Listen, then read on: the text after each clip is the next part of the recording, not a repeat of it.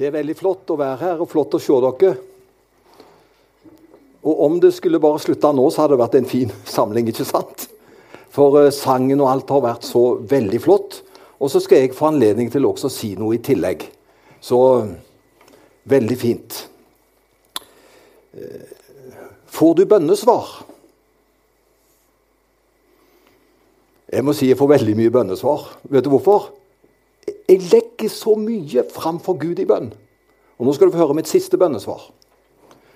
Det kom i går. Eh, jeg skulle reise fra en T-banestasjon i nærheten av Fujarola. Og det skulle gå til eh, flyplassen ved Malaga. Og så hadde jeg funnet ut at eh, den tok ikke imot telefonen min, eller kort. Eh, den, eh, det hvor, hvor, du kunne bestille billett ikke sant? På, på stasjonen der. Bortpå der. Prøvde der. Ingenting nytta. Og tenkte hvordan skal dette gå, for jeg måtte ta, jeg måtte ta toget. Og så hadde jeg bare én ting å gjøre. Kjære Jesus, sa jeg. Eh, det stopper opp her. Kan du hjelpe meg? Eh, jeg satser på, Herre, at du vil hjelpe meg. Og vet du hva som skjer? Ett minutt etterpå så kommer det ei dame. Og så spør jeg henne Jeg har ikke fått anledning til å kjøpe billett på toget. T-banen. Og vet du hva? Hun svarer på klinkende Sola-dialekt. Hun kommer fra Sola og skal hjem etter å ha vært på ferie der. Og så sier hun 'Selvfølgelig skal jeg hjelpe deg', sa hun. Og Så losa hun meg gjennom alt, for hun bodde der nede, så hun kjenner til alle de tingene. Og så kommer og vet du hva jeg måtte si da? Takk, Jesus, for bønnesvar. Du skjønner, Til mer vi legger fram for Gud, til Gud i bønn, til mer bønnesvar får vi. Det må være kjedelig å aldri be om ting. Da får du ikke bønnesvar. Men du kan få be, står det om, hva du vil. Og så opplever du, da skal du sannelig få oppleve bønnesvar. Jeg kunne nevnt et bønnesvar til som vi fikk senere på kvelden, men det skal jeg ikke ta. Men det er altså masse bønnesvar hvis du bare legger det fram for Gud i bønn. Og jeg er så enkel jeg, at jeg må gjøre det. For jeg fikser ikke alt. Og da er det en veldig trygghet i å kunne legge det i Herrens hender og kunne be. Det var bare det jeg hadde lyst til å si som en åpning. Og så har jo jeg søndagens tekst som jeg taler over. Og jeg skal være så kjepphøy og si at jeg skal gjøre det også neste år. når jeg skal tale, jeg har ansvaret for det, så kan det være andre som velger en annen måte. Men jeg skal tale over søndagens tekst også for neste år. For det er så bra, har jeg funnet ut disse tekstrekkene som finnes, som mange kirker i landet taler over. Eh, norske kirker gjør det, og metodisten og andre gjør det. Og jeg syns det er så bra at da er vi med liksom i en stor eh, fellesskap og en familie når vi taler over søndagens tekst. Så det gjør jeg også nå, men jeg skal få det til å passe inn at vi synger julen inn. Eh, jeg skal jobbe litt med det, så at det skal passe her allikevel. For teksten er jo ja, faktisk sånn den passer også i advent. For nå skal du høre. Johannes i fengselet. Og hvem kan ikke få mørke tanker når livet går imot? Jeg vil bare si det, det, det vet jo du som har levd. Livet går ikke alltid med oss. Det er ikke alltid bare liksom lett og velstand og surfe på medgangsbølger og alt er koselig og greit. Det er ikke sånt livet er. Eller kanskje jeg er et unntak. Nei, jeg tror vi kjenner oss igjen i det at sånt er livet. Det butter imot, og så gir det også masse gleder, selvfølgelig. Og nå er Johannes kasta i fengsel.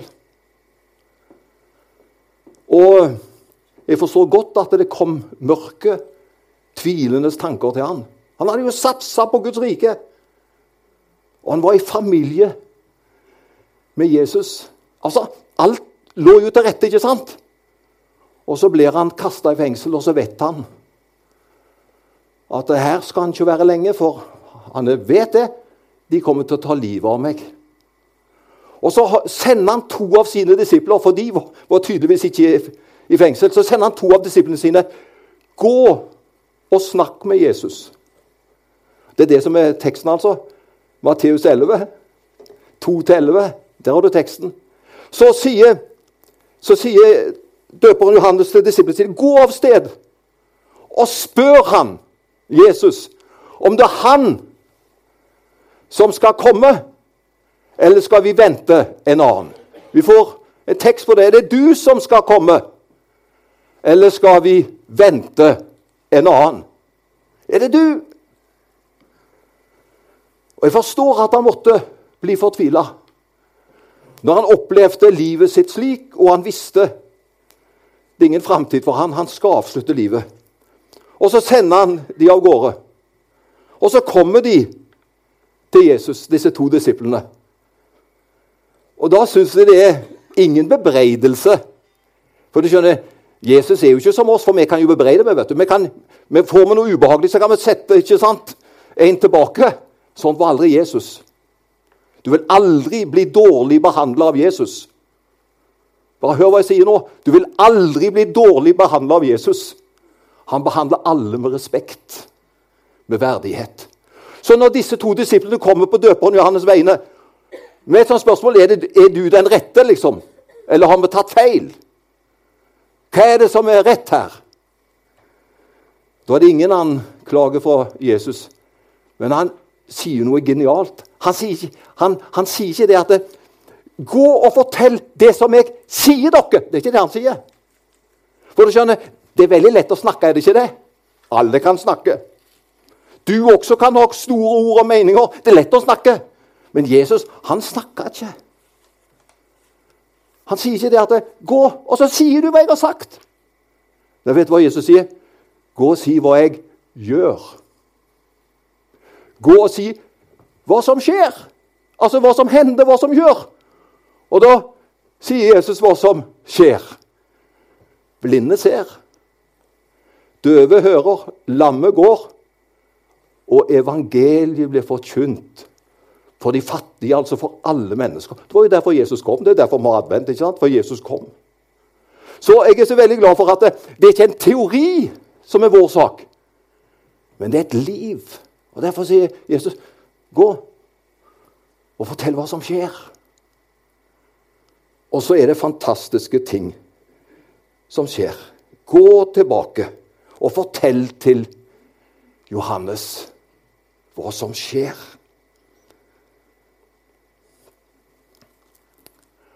Og så går jo disiplene tilbake. Og hør Dette fikk jeg se i dag, altså.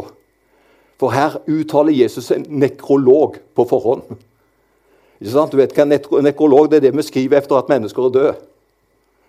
Men Jesus gir døperen Johannes en nekrolog på forhånd. For han var ikke død enda. Men når disiplene er gått av gårde til Johannes, så sier Jesus til sine disipler som er igjen av mennesker, sier han, så er det ingen som har vært større enn Johannes. Ingen profeter. Ingen kan toppe Johannes. Er ikke det flotte ord å høre? Det kunne han sagt i begravelsen hans, for det var ikke så lenge etter det skjedde. Men det var, jo ikke anledning til å være der. Men Jesus gir en nydelig nekrolog av Johannes. Mens Johannes er i live, så forteller han hvor fantastisk denne personen har vært. Men så kommer Jesus med en overraskelsessetning. Og det Hva betyr det? For Jesus sier da Men i himmelens rike er den minste som finnes i himmelens rike, større enn Johannes. Og da tenker jeg at disiplene måtte lure. Hva betyr det? Her har han skrøtet Johannes opp i skyene. Hvor fantastisk han er og har vært. Og så tilføyer han, men i Guds rike så er det annerledes.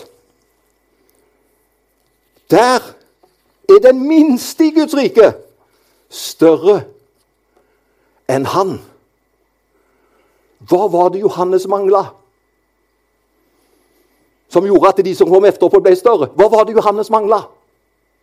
Jo, Han mangla noe som han ikke fikk. Hva var det Johannes ikke fikk, da? Han fikk aldri se korset. Tenk om han hadde fått sett og møtt korset! Men han gjorde ikke det. Han døde før Jesus døde på korset. Og derfor kunne ikke Johannes kjenne til Guds fulle åpenbaring av kjærlighet. Han hadde møtt Jesus og sett han på sitt nivå. Men Jesus sprenger alle grenser når han dør på korset for all verdens synd og for alle mennesker. Den kjærligheten hadde ikke Johannes fått sett. Han døde før det skjedde. Hvilken side var det Johannes forkynte? For Johannes han forkynte ikke et fullt evangelium. Det er beundringsverdig. Han var jo så fantastisk at Jesus satte han opp i skyene. Men Johannes forkynte ikke et fullt evangelium. For vet du hva Johannes forkynte? Han forkynte sannheten og rettferdigheten. Det gjorde han. Men hva var det Jesus forkynte? Han forkynte sannheten og kjærligheten. Den forkynte ikke Johannes. Johannes du husker beretningen, han hadde øksa. vet du. Og Hvis ikke dere bærer frukt, så er øksa nære ved. ikke sant? Han forkynte omvendelse og dom. Han forkynte sannhet og rettferdighet, men han hadde ikke opplevd korset. Derfor var det bare et halvt evangelium, det Johannes hadde. Men det Jesus hadde, det var et fullt evangelium. Han kom med sannheten, og så kom han med den guddommelige kjærligheten. Og det er det som gjør at vi er her i dag. Jeg er veldig glad for at eh, evangeliet Det er sannhet. Absolutt. Men det er kjærligheten som er vår redning. Hvem er du? Ja, det har med advent å gjøre. Jo, vi venter jo, ikke sant, i advent.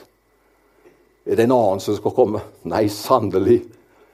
Det er den rette, det er den fullkomne. Den som er full av nåde og sannhet og kjærlighet. Han kom, og han ble vår redning. Og Så flytta Johannes ut av tiden. Ikke lenge etterpå så ble han halshogd. Men budskapet om Jesus og hans eh, var jo flott, ikke sant? Men vi som tilhører Guds rike, vi har fått opplevd en enda dypere relasjon og dybde. Vi har fått sett Jesu grenseløse kjærlighet. Og det har jeg lyst til å si. Jesus elsker deg. Ja, det var resten en veldig flott andakt. Ungdomspastor. Jeg vil bare si Du hadde en veldig flott andakt her eh, når vi hadde den julemessa. Var det ikke da du hadde på deg hva som var forskjell på nissen og Jesus? Jeg vil bare gjenta det, for det var en veldig flott illustrasjon. Han hadde på seg nisselua, Bjørnar, og så sa han det at Vet du hva som var forskjell på nissen og Jesus? Likheten er jo at eh, begge gir gaver. Men ulikheten er, og det er en meget viktig ulikhet Nissen gir bare gaver til snille barn. Jesus han gir gaver til alle. Er ikke det flott? Det er derfor vi kan feire jul. Dette er fantastisk. Johannes' budskap det var nødvendig, men det var ikke de gode nyheter. Jesu budskap er gode nyheter, og det skal vi få feire igjen. Evangeliet er nemlig de gode nyheter. Jeg vil sitere et gammelt sangvers. Du må nesten være antikvarisk for å kjenne det, men det er flere som kanskje er det. Jeg skal sitere det sangverset. Det synges ikke nå, vet du. Men jeg sang det da jeg var en liten gutt. Og Jeg kan det ennå. Jeg skal sitere det, for det har et sånt innhold på hva vi venter på.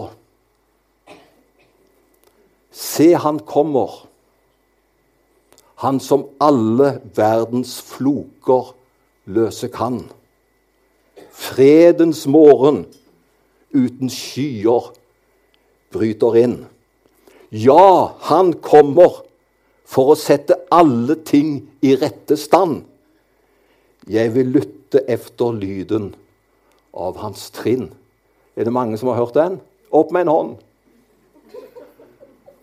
Jeg skal be for dere. Det er sjelden jeg har fått sånn respons. Så kunne dere altså den sangen. Den har et glimrende innhold. Du Og nå, kjære folk Det er han oppe på veggen også. Kan vi ikke synge den nå, da? Se, han kommer, han som alle verdens floker løse kan. Fredens morgen uten skyer bryter inn. Ja, han kommer for å sette alle ting i rette stand. Jeg vil lytte efter lyden av hans tren. Se, han kommer, Jesus kommer. Fiken tre varsler sommer. Vår forløsningstime kommer. Jeg vil lytte efter lyden av hans tren. Dette var spontant. Jeg visste ikke at vi skulle få det på veggen, og det visste ikke du heller at det skulle komme. Så dette her må vi si var guddommelig ledelse. Du, det er ikke presidenten i USA eller generalsekretæren i FN eller hvem det måtte være, som virkelig kommer til å sette alle ting i rette stand. Alle disse gjør så godt de kan, og derfor skal vi heie på dem. Men det er han som er fredens konge. Han som er fredsfyrste. Det er han som virkelig kan komme med den freden verden trenger. Må Gud velsigne oss alle. Er du den som skal komme?